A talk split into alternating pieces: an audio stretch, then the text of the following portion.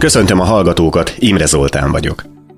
2008-ban különös vállalkozásba kezdtek magyar építészeti szakemberek, restaurátorok és távol-kelet kutatók.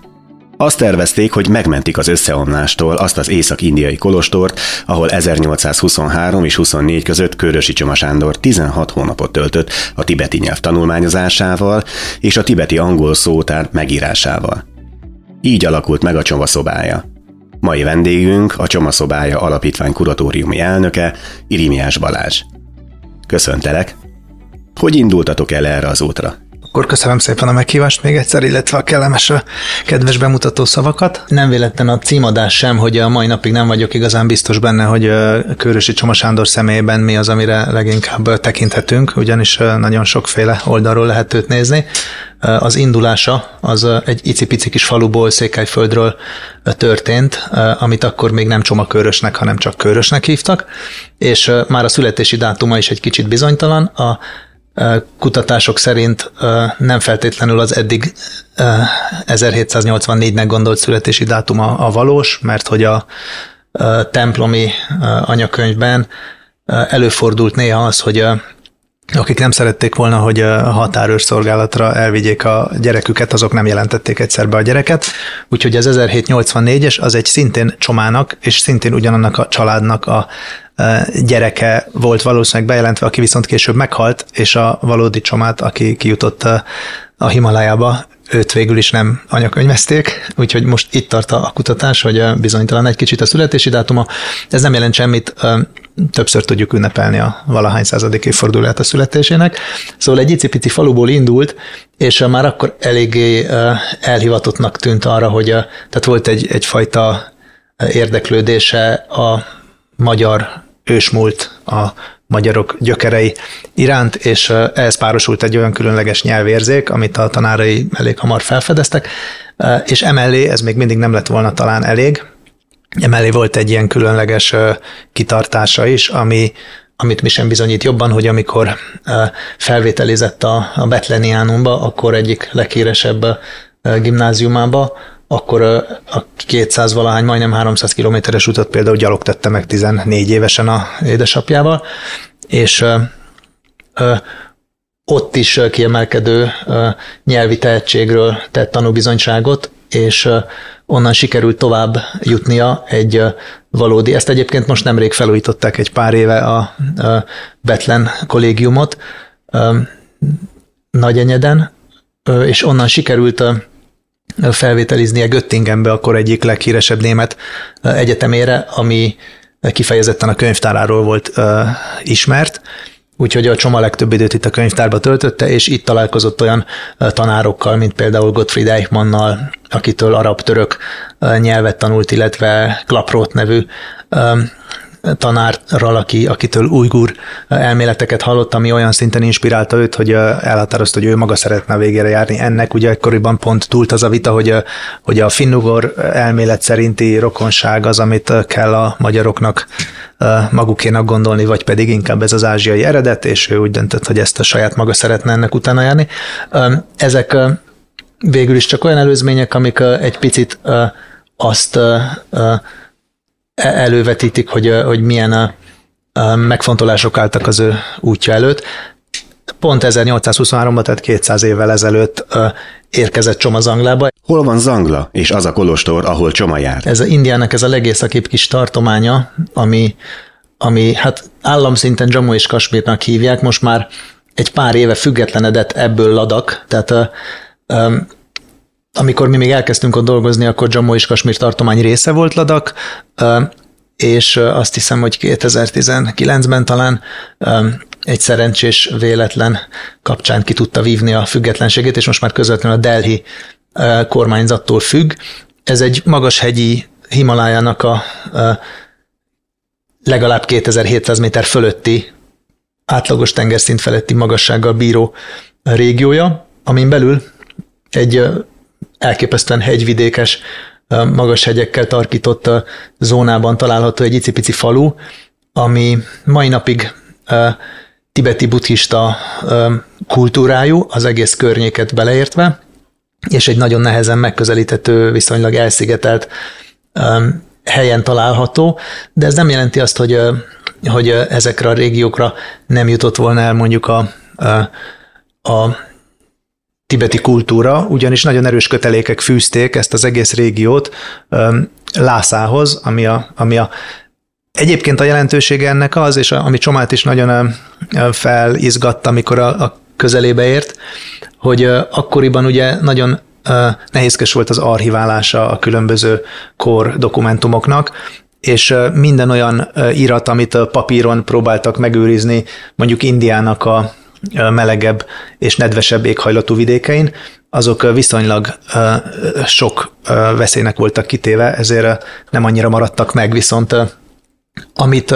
amit a magashegyi régiókban, a kolostorokban, ugye ők nagyon szorgalmasan másolták a szutrákat és az összes ilyen történelmi anyagot, amit találtak egyéb síkvidéken lévő kolostorokban, azokat nagyon szorgalmasan gyakorlatként másolgatták, és már a 18. században, amikor, amikor Csoma erre vetődött, rájöttek arra, hogy ezek a világ nagyon komoly archívumaivá váltak, tehát olyan iratok, amik már régen az eredetiük eltűnt, a másolatuk az még jó eséllyel ott őrződik, úgyhogy Csoma emiatt lelkesedett be annyira, hogy hát ha talál olyan utalást, ami alapján a magyaroknak a gyökereit esetleg meg lehet találni. Ezen a kis sziklatömbön van egyébként ez a palota, ami, ami körül egy romos falu található, és ennek a magyarázata az az, hogy, hogy az egész faluból csak ez a palota maradt viszonylag jó állapotban, hogy ezen a vidéken nem túl sok a fa. Tehát olyan magasan vagyunk, már 4781 méteren van ez a palota, amit egyébként tévesen Bakta is, meg jó néhány kutató utána kolostornak hitt, ugyanis van benne egy szenté, ami ugyanúgy föl van díszítve azokkal a jellegzetességekkel, ami alapján simán lehet kolostornak is nézni, de ma azt gondoljuk róla, hogy ez inkább egy icipici falucskának, a Zangla uh, falucskának, ami egy Indiának a legkisebb királysága volt, mindössze öt faluból állt, annak a központi székhelye volt, és körülötte azért pusztult el, az egész falu, mert a, pont a csoma ott járta után megszűntek a környező korábban veszélyt nyújtó támadások a régióban, ezért úgy döntött a lakosság a falunak, hogy arról a kiemelkedő sziklatömbről inkább leköltözik egy kicsit közelebb a mögötte húzódó kis folyó völgyébe, ahol ugye könnyebb a, megtermelni az élelmiszert, az állatokat könnyebb legeltetni, illetve itt fönt ezen a sziklatömbön jó esélye nem volt forrás sem, tehát ott még a vizet is úgy kellett megoldani az egész falu itatására, hogy valószínűleg szamarakkal vagy állatokkal hordták föl a, a patakokból a vizet. Ezért úgy döntött a, a falu, egységesen, hogy leköltözik a 19. század második felében, és a király volt az egyedüli, aki megengedhette magának azt, hogy új fát rendel a lenti épületéhez, de az egész falu az fogta magát, és az ablakkeretektől kezdve ajtókereteket, ajtólapokat, és az összes gerendát a házból levitte, és abból épített új falut, úgyhogy lent a faluban mai napig volt olyan, hogy megtaláltunk a palotából származó, egyértelműen így beleilleszkedett az ott lévő sarokba egy öreg ajtó, és felajánlottuk a falubélének, hogy adunk neki egy új ajtót, vagy, és örömmel kicsilt, hogy jaj, de jó, és visszaadta, és akkor azt beépítettük a palotába, a saját helyére. Szóval ennyire fontos alapanyag volt a fa, és amikor mint egy száz évvel Csoma ott járta után Bakta Jervin, kalandor, orientalista, indián tábor alapító, és még sok egyéb jellemzővel bíró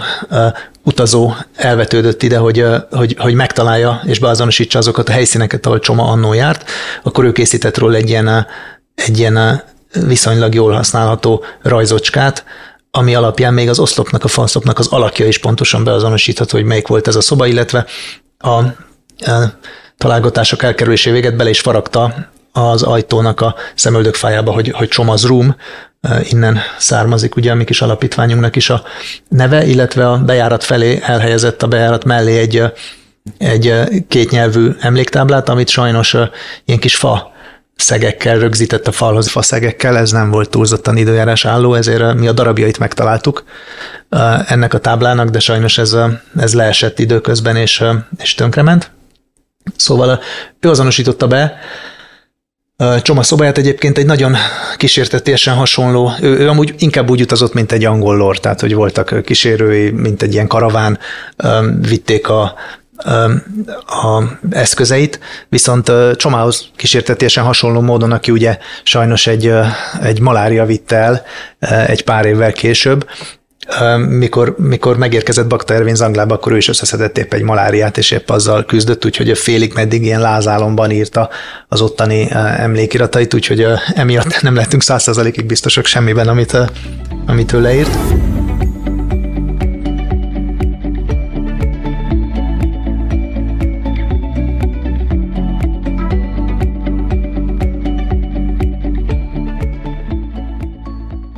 Kik próbáltak meg Csoma nyomdokaiba lépni? Volt, aki megpróbált végigmenni ugyanezen a hosszú úton? Rajta kívül Csomának ez az útja, ez a rengeteg egyéb utazót megihletett. Én most nem akarok messze a teljességre törekedni, de néhányat azért kiemelek. Például Jakabos Ödönő egy erdélyi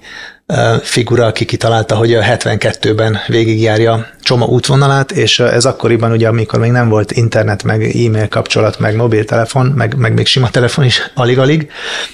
egy gigázi teljesítménynek számított, hogy a több mint 200 napos útvonalát előre, akkoriban ugye nagyon divatos volt a 70-es években ez a levelezés, a, a hagyományos kézzel írt levelezés, és ő levélbarátokat szerzett a teljes útvonalon, és a több mint 200 napos gyalogútját előre levélben lelevelezte, hogy mikor ki ez, melyik nap fog megérkezni, és minden napjára talált szállásadót, végig Törökországon, Iránon, Afganisztánon, Pakisztánon át, úgyhogy egy elképesztő félőrült figura volt, és szerencsére hozzá hasonló egyéb félőrültek is vannak, például 19-ben indult el, épp egy időben azzal, amikor Csoma Erdélyből elindult, annak a 200. évfordulón indult el egy erdély újságíró, Pengő Zoltán, gyalogosan több cipőt elkoptatott magáról, és hiába most van internet, azért minden napra nem tudott leszervezni magának szállást, és a végén hát ilyen nagyon kalandosan valahogy eljutott a sírjához Csomának, de Zanglába, ahol a tibeti angol szótárat írta, az, azzal nem számolt, hogy azért ott nagyon fontos az időzítés, hogy melyik hónapban mikor érünk oda, és pont egy olyan évszakban ért oda, amikor nem lehet oda bejutni, úgyhogy oda be nem jutott. Aztán volt egy hasonló figura, ő még elszántabb volt a Zihó Viktor, ő egy szlovákiai magyar srác,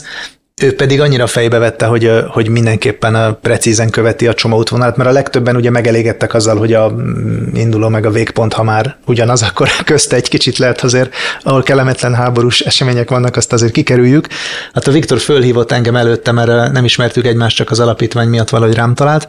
és kért a tanácsot, hogy tudta, hogy én is először kerékpárral jutottam el egyébként ebbe a zónába, hogy mit javaslok, és természetesen egyiket sem fogadta meg. Miért volt a két jó tanács? Az egyik javaslatom az volt, hogy ha lehet, akkor Afganisztánt az kerülj el, a másik javaslatom, ha lehet, akkor ne téli hónapokban érkezzen a Himalájába, mert nem fog tudni bejutni. Afganisztán, ő azt mondta, hogy ő nem hagyja ki, ő elég bevállalós, ő volt már sok ilyen bicikli túrán, és csak azért is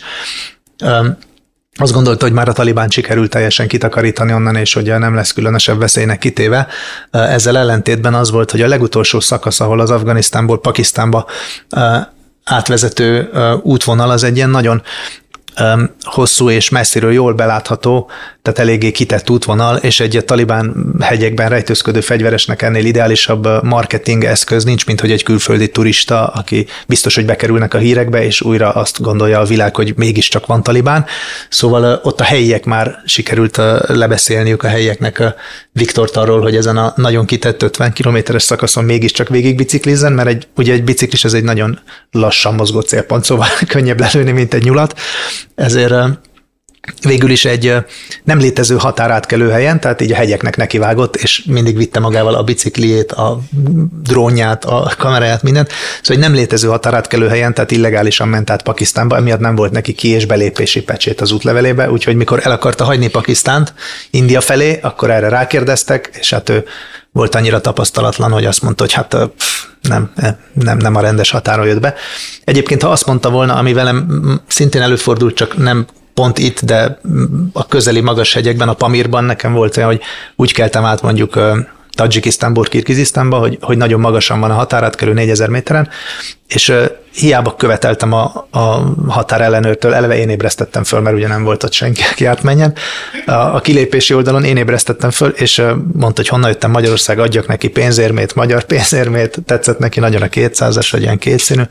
Odaadtam neki, mondom, te meg adjon pecsétet, mondja, nincsen, van ne szól, nincs, nincs tényleg, és így húzta ki a fiókot, mutatta, hogy nincs pecsétje, és egy csomó pénz volt egyébként, mindenféle nációtól kért ilyen kis pénzeket, és egy pénzgyűjteménye volt, de pecsét az nem volt. Azt mondja, hogy majd kérje Kirgiziszt, amikor belépek. Kiléptem Tajikisztánból, elindultam lefele egy hágon, 4600-ról lementem, mit tudom én, 3009-re. A, tehát van egy 20 kilométeres szakasz, ami eleve senki, mert hogy ott nincsen belépési oldal a határátkelő helynél. Azt hittük, hogy egyáltalán nem lesz. Végül volt,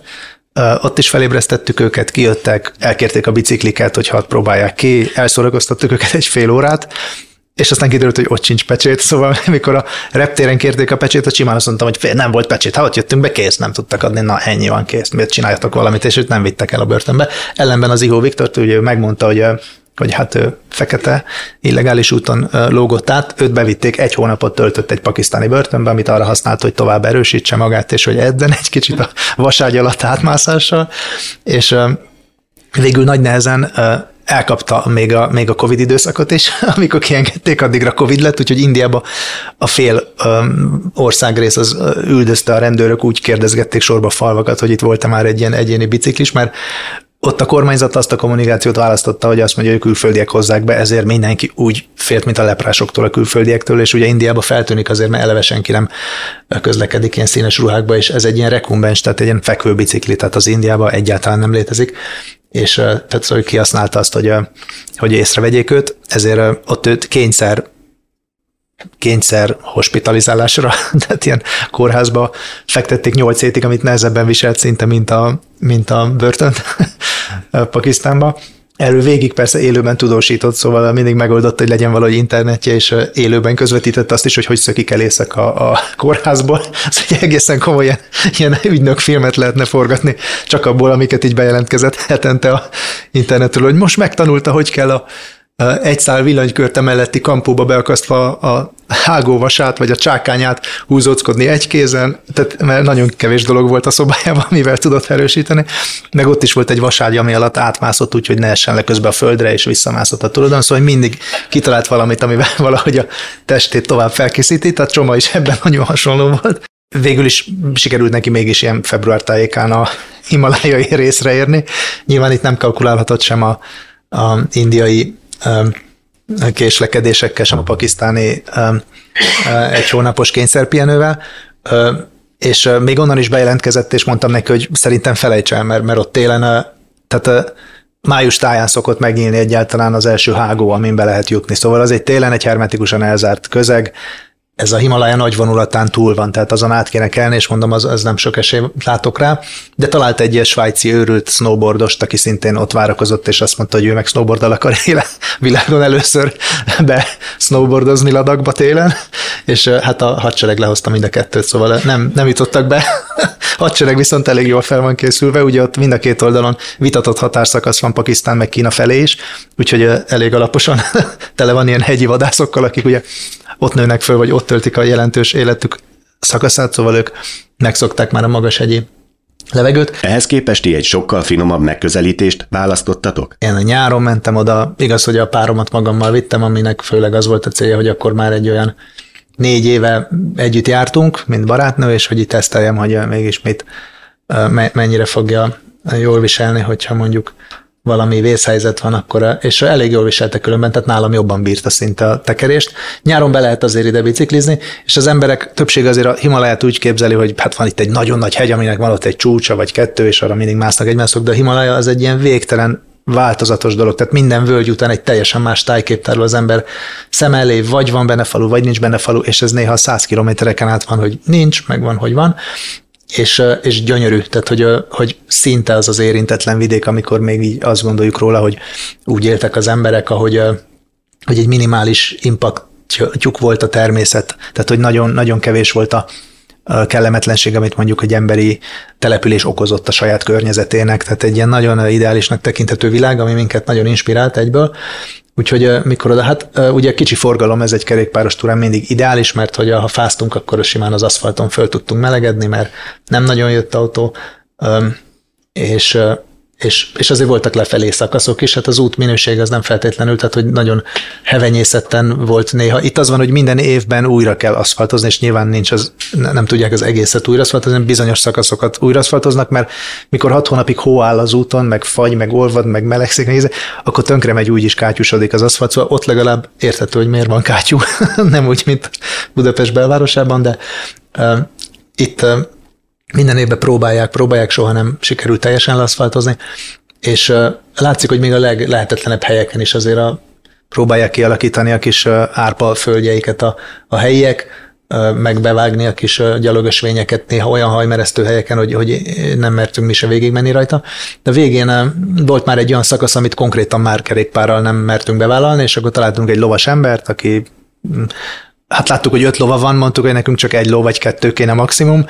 de végül is találtunk egy olyan win-win szituációt, hogy a, a bácsi meggyőzött minket, hogy az öt ló az azért elengedhetetlenül szükséges, mert ugye egy ló az viszi a kerékpárjainkat, egy ló viszi a csomagjainkat, egy ló viszi a mi kajánkat, egy ló viszi az ő kajáját és csomagját és sátrát, és az ötödik ló viszi az összes többi lónak az eledelét, mert hogy a, látható, hogy még fű sem nagyon van, szóval a, vannak olyan részek, ahol a lovat is kell etetni minden nap, másképp nem tud tovább menni, úgyhogy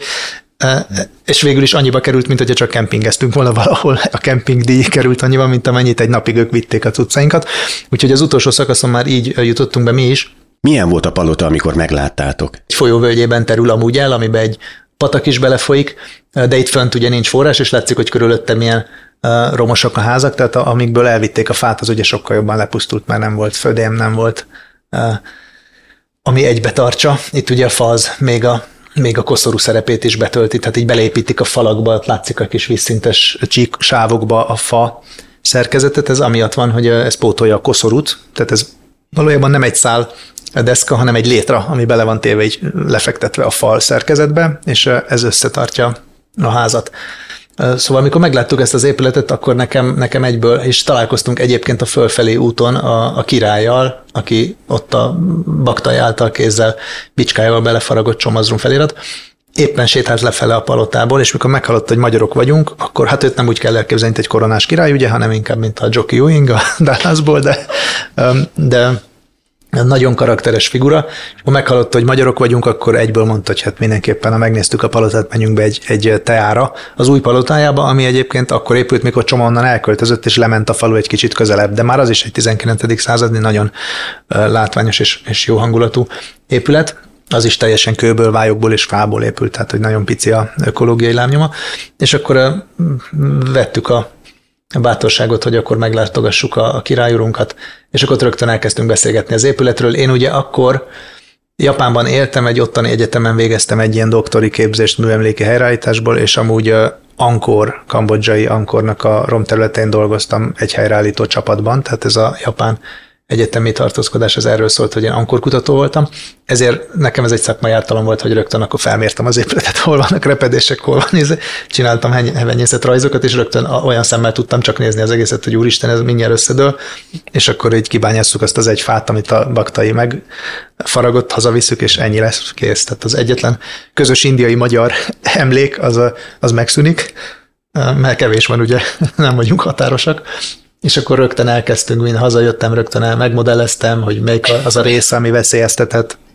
Szóltam néhány építész barátomnak, és akkor úgy már az első évben, tehát a király az úgy fogadott egyébként a teázáson, hogy úgy lerakott elém egy 15 névjegykártyát, azt mondta, hogy nézzem meg, ismerem ezeket az embereket, a köztük elég sok híres ilyen csomakutató, meg, meg, meg tibetológus, meg diplomata, meg nagykövet volt, akik ezek már az elmúlt 15 évben mindenki megígérte, hogy jövőre visszajönnek, felújítják az épületet, de eddig senkinek nem sikerült, mondtam, hogy szuper, nekem nincs névjegykártyám, de akkor én is megígérem 16-nak hogy visszajövünk, és akkor ez volt 2007-ben volt a biciklitúra, és 2008-ban összeszedtem hat főt, akik között volt egy operatőr, hogy mégis dokumentálják, hogyha valami történik velünk. És akkor elkezdtünk egy ilyen ismerkedni a, a helyi építési technikával. Hát rögtön azt gondoltuk ugye, hogy egy ilyen épületet nem cementtel, meg, meg vasbetonnal, meg acéllal kell megmenteni, hanem a, hanem a helyi anyagokkal, és ezért megkerestük a falusi mestereket, akik, mint kiderült, persze nagyon jól emlékeztek még a hagyományos technikákra, és, és segítettek nekünk. Itt valójában ők tanítottak minket, tehát hiába mi voltunk az egyetemi építészek, meg, meg kutatók, mégis a, a helyiek segítettek abban, hogy, hogy, hogy az ő technikáikat újra élesszük, és ebből lett egy ilyen nagyon izgalmas együttműködés. Hát itt látszik, hogy előtte mondjuk milyen romos volt a lépcsőháza, ez a harmadik szinten a lépcsőház, és miután helyreállítottuk. Itt erről azt kell tudni, hogy még a, a fehér festék az nyilván mész, tehát hogy minden természetes, de még a vörös festék, meg a fekete festék is egy vörös vályog, amit a környéken bányásznak az egyik túloldali hegyről, szóval oda elküldünk két lovasembert, és hoznak délutánra egy zsáknyi ilyen vörös dolgot, tehát ott nem a barkácsáruházból kell ezeket megvásárolni, meg nem repülőn kell odahozni, hanem minden van ott, ami, ami kell. Szóval oda tényleg ennek az a nagy szépségét látszik, hogy itt a egész nagy födém le volt szakadva, ami utána tovább szakadt. Tehát a vályogépületek azokról azt kell tudni, hogy ez nem olyan, mint Ankor, ahol minden kőből van, és hiába eltelt 500 év, és nem használják, és a dzsungel egyszer már ellepte, és utána egy kivágták újra. Ma megnézi az ember, nem érzi, hogy abból olyan túl sok minden hiányzik, pedig a műkincs kereskedők és tolvajok, azok, ami mozdítható volt, azt már leszették ankorról, tehát ott minden aranyozott volt a tetőköntől kezdve. Mégis olyan kompletnek tűnik. Na most egy vályogépületet, ha ennyire magára hagynak, akkor az pár évtized alatt teljesen lepusztul, mert ugye a vályogot oldja a víz. Hiába itt nagyon kevés a csapadék, és ami van, az inkább télen hull le, és akkor kevésbé pusztítja az épületet, hogyha valaki lelapátolja róla a havat ez, ez mégis olyan, hogy egy vályogépületnél alapvető az, hogy legyen egyfajta ilyen rendszeres karbantartása minimum minden évben. Szóval ott ez egy reménytelen elképzelés, hogy valamit úgy felújítunk, és akkor az most úgy fog maradni az idők végezették, hanem ez egy sokkal bonyolultabb dolog, de ez így van rendjén.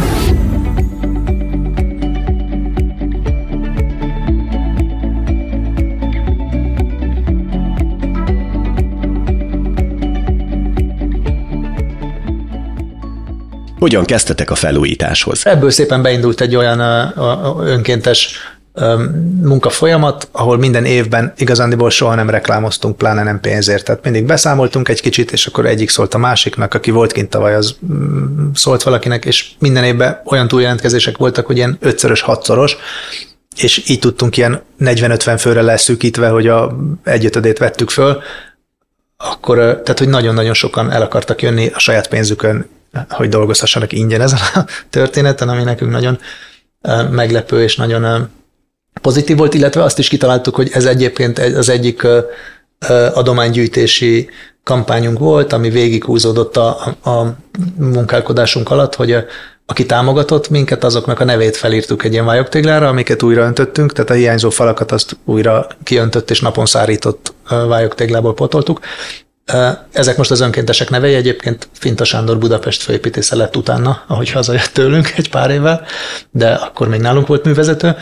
Itt az, az ő neveik, de a támogatók neveit ugyanígy fölírtuk téglákra, és akkor azok most benne vannak a falba, de ezek nem látszanak, ugye, mert a lapján van a téglának, tehát hogyha valaki most oda megy, és a unokájának meg akarja mutatni, hogy a nagypapa támogatta ezt annó, akkor csak azt tudja mutatni, hogy valahol ott vagyunk a falba, de nem tudjuk, hogy hol küldtünk róla egy fotót persze mindenkinek, és az a megtiszteltetésért, hogy már a legelején, tehát mi 2008-ban kezdtük el ugye először ezt a munkálatokat, és 2010-ben itt járt a őszentség a Dalai Lama Budapesten, megtöltötte a arénát elég rendesen, tehát hogy minden jegyelkelt, és utolsó pillanatban visszajelzett nekünk, hogy,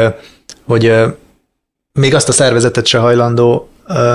fogadni, aki meghívta őt, tehát egy, egy helyi buddhista egyház hívta meg őt, és vele se volt hajlandó találkozni, de hogy minket valamiért azt mondta, hogy velünk hajlandó, és akkor egy ilyen kis privát fogadást, ahol adtunk neki egy ajándékot, egy magyar szobrászművész által készített végtelen csomó, tehát ez egy olyan, hogy nincsen sehol illesztés, hanem egy, úgy van kifaragva nagyon komoly munka, és, és hát ez a megtiszteltetésért, hogy, hogy fogadott minket, és, és meghallgatta a kis beszámolunkat, és kiderült, hogy Csomáról nem mi meséltünk neki először, hanem már, már tudott Csomáról, szóval ő ott egy tényező, őt, őt komolyan veszik és ismerik,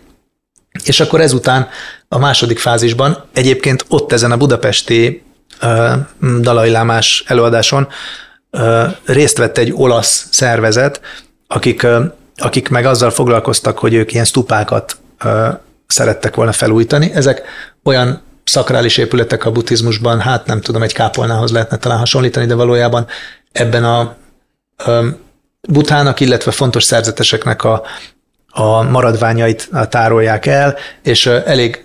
komolyan azt gondolják róluk, hogy ezek a, mm, a föld egészséges életműködésének a részei. Tehát egy kicsit ezek olyanok, hogy mindegyik stupának a közepében van egy ilyen életfa, egy ilyen, olyan, mint hogyha egy ilyen karó lenne a közepébe elrejtve,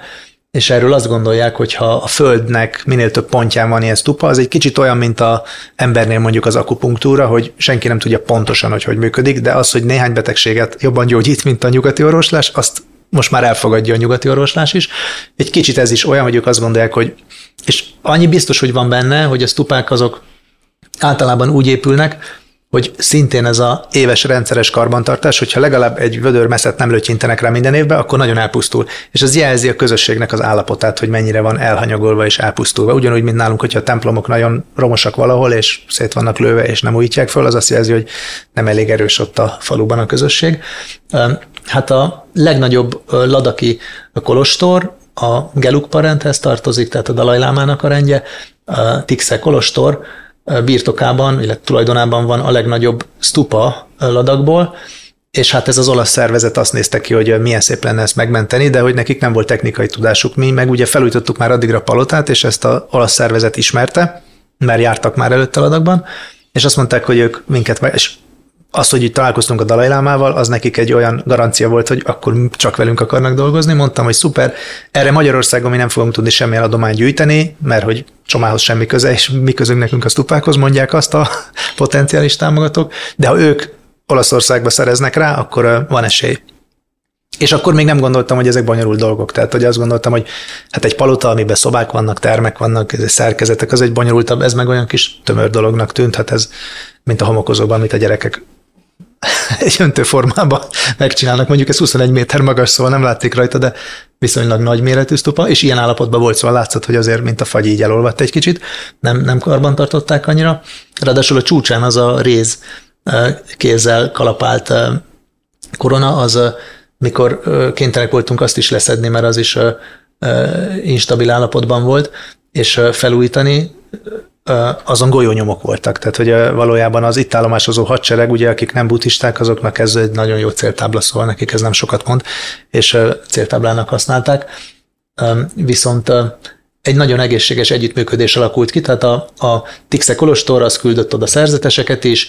az olaszok is küldtek önkénteseket, mi is vittünk, tehát összesen volt egy ilyen 24 fős csapat, aki, aki minden nap három éven keresztül, minden egész nyáron dolgoztunk rajta, és akkor az lett az eredménye, hogy ja, egyszer, igen, még a lányomat is elvittem, aki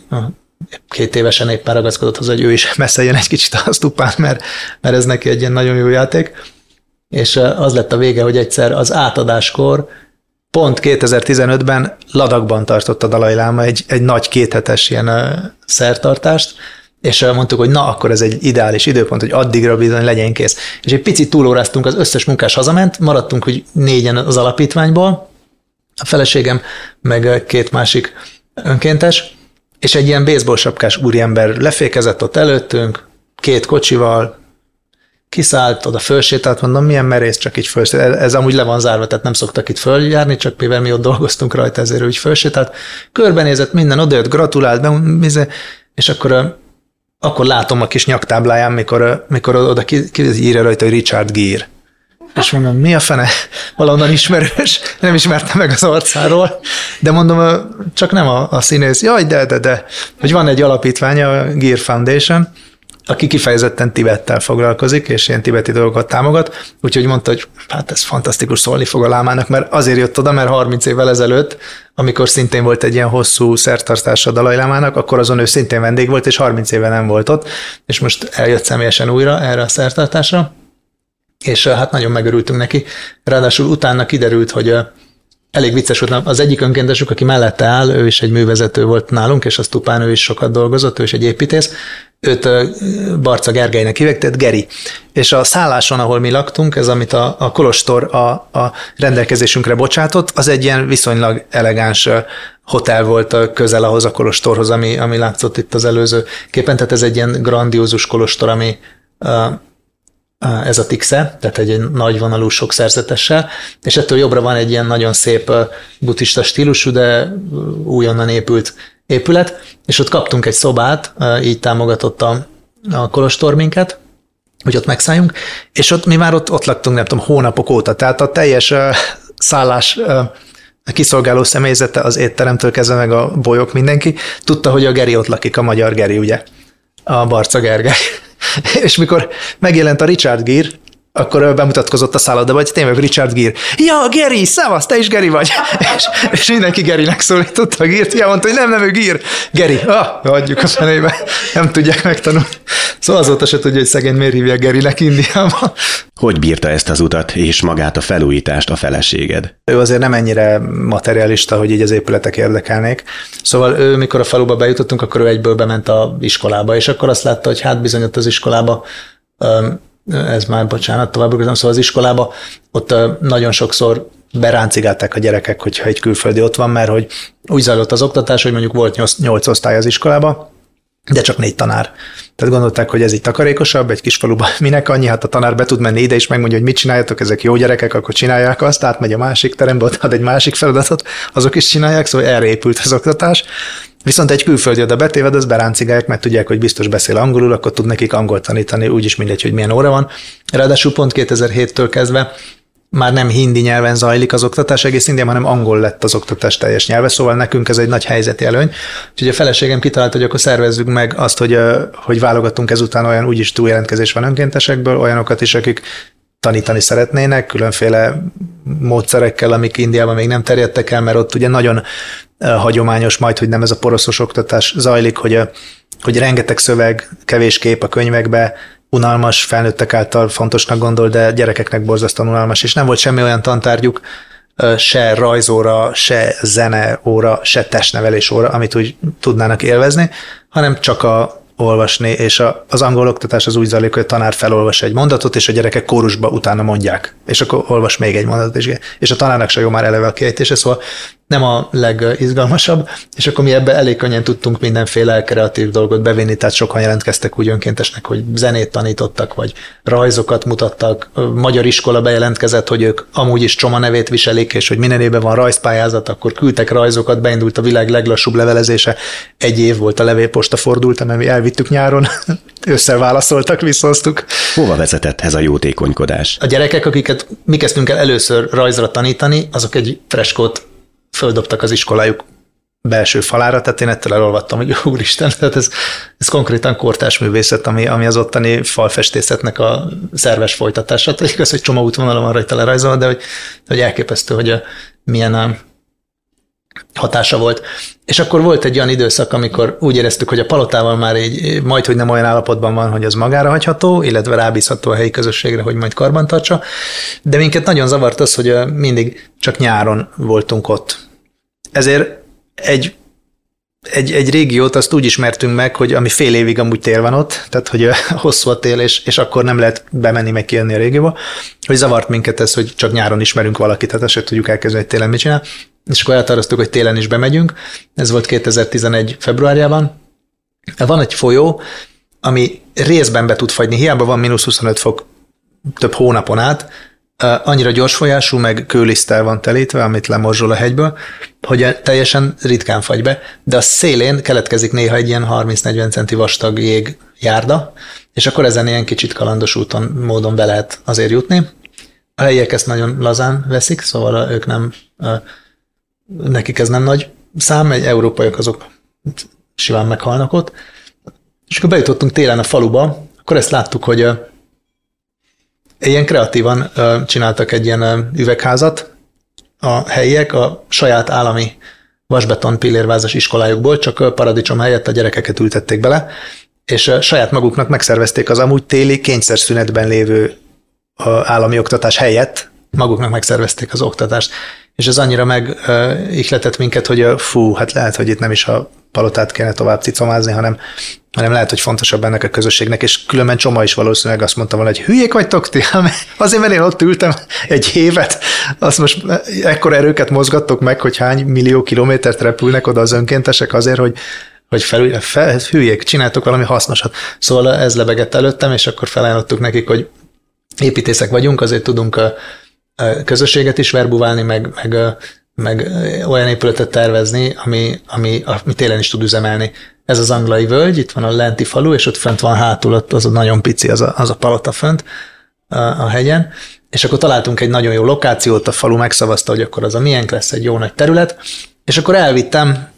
első évben a falunak, 2012-ben egy itthoni építésziroda által számítógépes modellt, amit készített, hogy megterveztük, hogy ilyen legyen a szolár iskola, mert hogy ez nagy napsütést kap, kiszámoltuk, hogy ez télen is pont fel tud jól melegedni, mert akkor laposan süt a nap, nyáron meg annyira magasan megy a nap, hogy az a pici árnyékoló elég az, hogy nem melegedjen túl.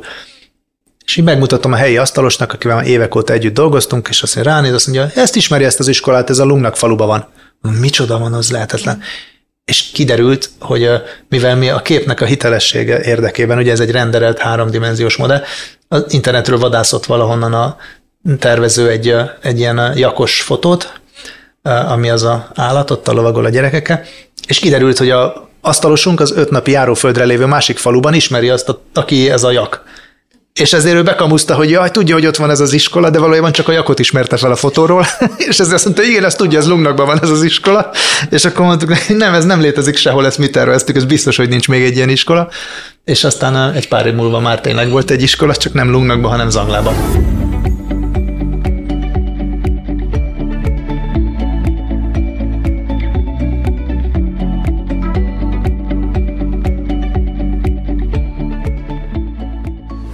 Köszönjük az élménybeszámolót. Legközelebb folytatjuk a témát. Legközelebb simán elhívhatjuk a herceget is, mert ő is szívesen szerintem a barátnél tolmácsol, és akkor ők elmesélik a saját történetüket. Köszönöm, hogy itt voltál.